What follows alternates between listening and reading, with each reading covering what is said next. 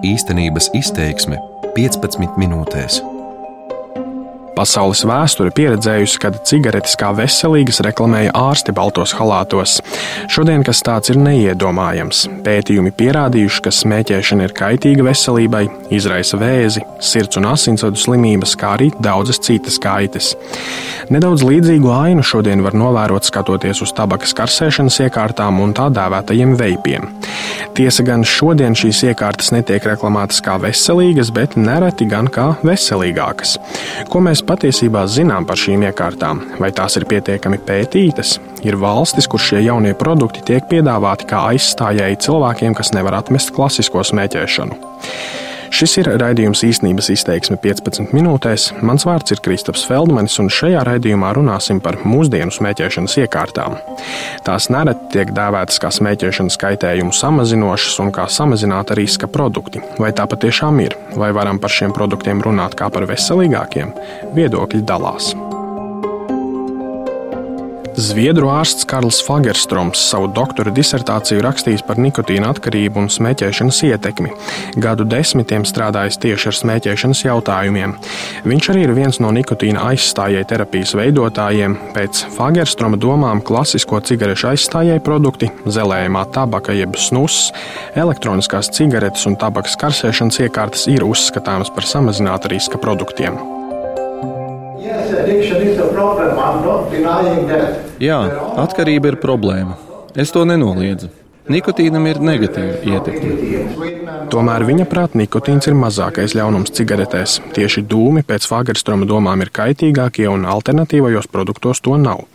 Fagerstroms dalās pētījumos, kuros salīdzina veselības rādītājus valstīs, kurās plaši lieto piemēram snusu vai tabakas karsēšanas iekārtas. So starting with Sweden.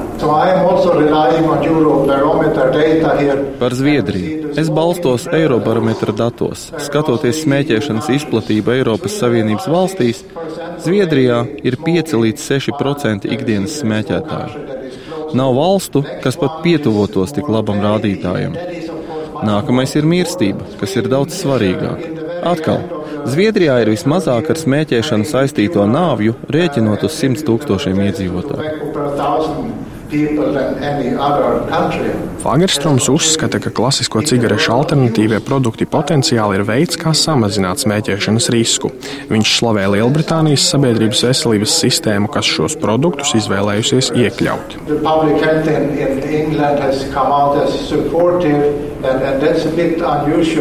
Sabiedrības veselības sistēma Lielbritānijā ir atbalstoša, un tas ir netipiski.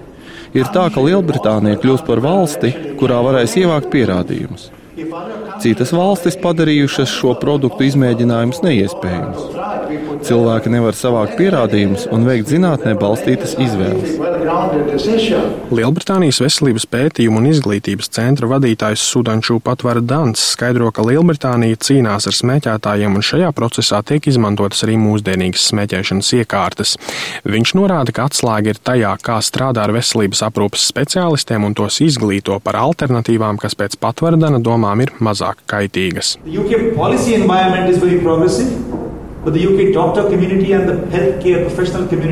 Lielbritānijas politika šajā jautājumā ir progresīvi domājoša, bet Lielbritānijas ārstiem un veselības aprūpes speciālistiem nepieciešama palīdzība kļūt par smēķēšanas mazināšanas un kontrolas čempioniem.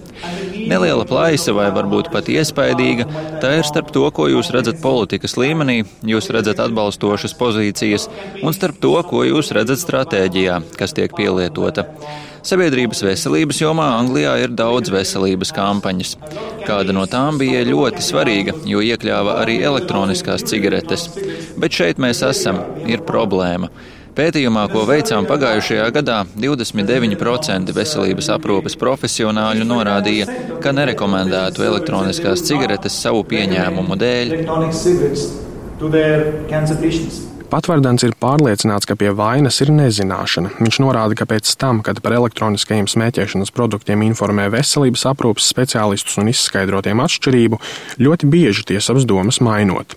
Latvijā gan šobrīd visi šie produkti tiek pielīdzināti klasiskajai tabakai. Uz to attiecas līdzīgi noteikumi, un šobrīd nec tā dēvētie veipi, nec tabakas karsēšanas iekārtas nav paredzēts iekļaut kādās programmās smēķēšanas atmešanai. Santa Līviņa, Veselības ministrijas sabiedrības veselības departamenta direktora. Veselības ministrijā uzsver, ka Latvijā ir diezgan stingra pretsmēķēšanas politika. Mums ir arī veiktas virkne likumdošanas iniciatīvas, lai ierobežotu šo smēķēšanu, aizliegtu reklāmas.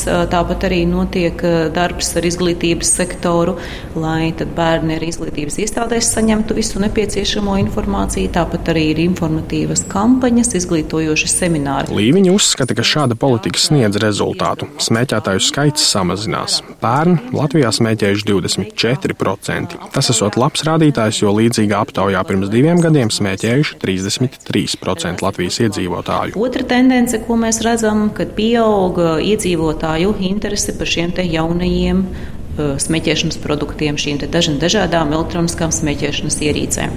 Tas varbūt nav tik ļoti populāri jau tādā vecākā gada gājuma auditorijā, bet, ja mēs skatāmies jauniešus, 15, 25 gadīgus, tad viņiem interese ir ļoti liela.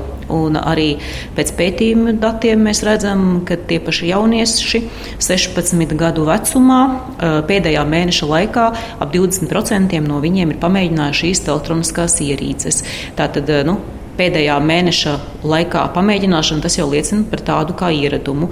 Tātad šī te tendence palielinās no gada uz gada. Tādēļ veselības ministrija visus elektroniskos smēķēšanas produktus pielīdzinājusi parastajiem, proti prasības ir ļoti līdzīgas. Tas tiek darīts, jo trūkstot ilgstošu pētījumu par šo moderno iekārtu smēķēšanas ietekmi uz veselību ilgtermiņā. Tas, ko dara šī industrija, viņi ļoti, protams, ļoti mērķtiecīgi ienāk tirgu un mēģina stāstīt, ka šie produkti ir labāki.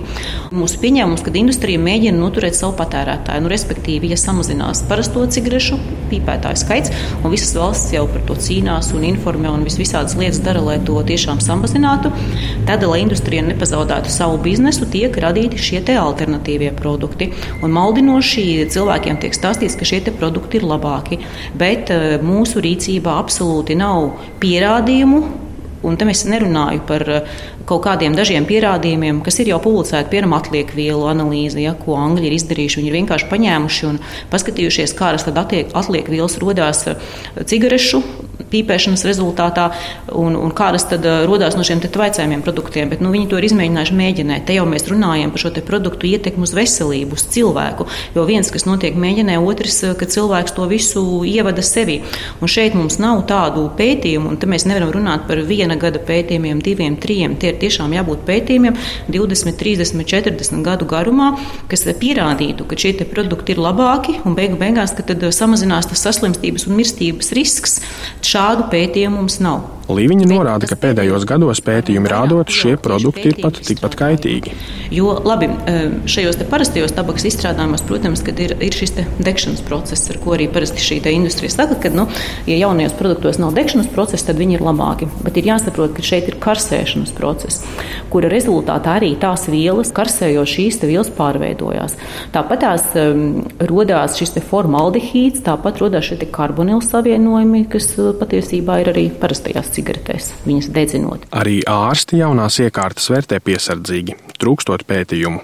Es esmu Dārsa Žentiņa, es esmu ārsts, pneumologs un internists. Un, Valsts Radiņa Kliniskās Universitātes slimnīcas plaušu slimību un turakālās ķirurģijas centra vadītāja. Žentiņa uzskata, ka šobrīd nepietiekoši pierādījumi par šo moderno tabakas ierīču ietekmi uz cilvēka veselību ilgtermiņā.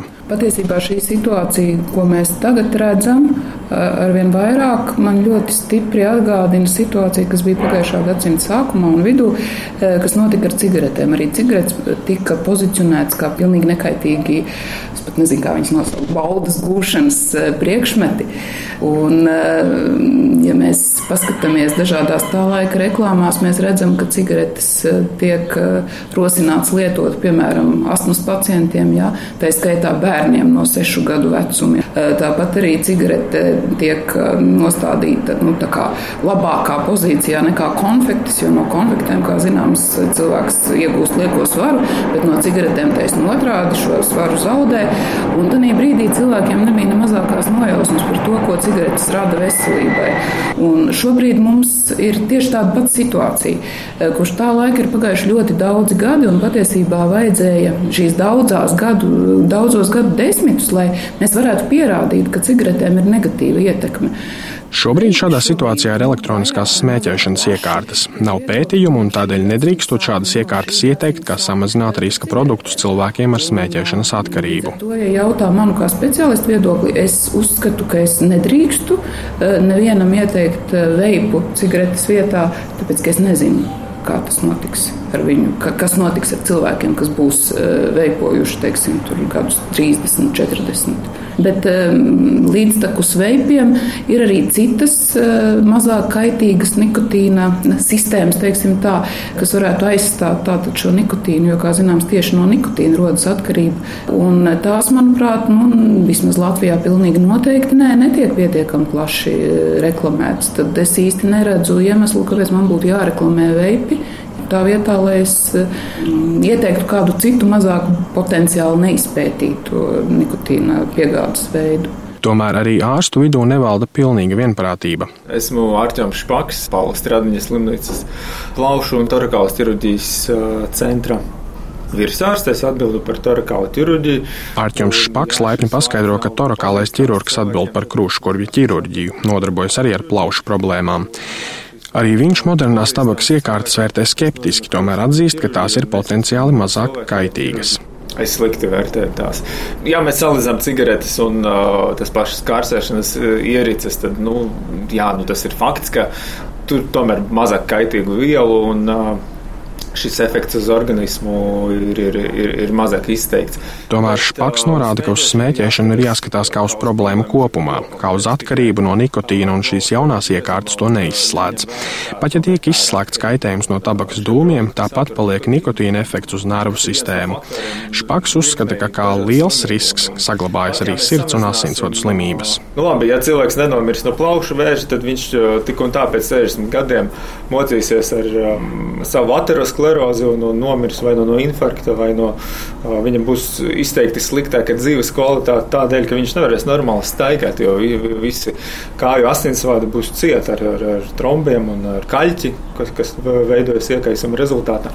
Un nikotīns veicina spazmu asinsvados, nu, ka, nu, tādējādi pasliktinot asinsrītu.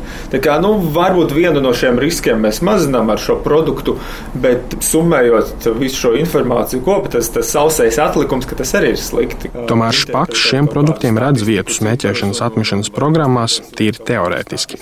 Tiesa gan tikai tad, ja nelīdz absolūti nekas cits. Pirmkārt, valstī vajadzētu atbalstīt uh, smēķēšanas atmešanas programmu, ka, ka cilvēkiem vajadzētu mēģināt vispār attīstīt atteikties no smēķēšanas. Un, šī programma ietver nikotīna aizvietošu terapiju, kas parasti ir vairāki produkti, kombinācija no šiem produktiem, kas ir plāksteris, kas ir košļājuma gumija.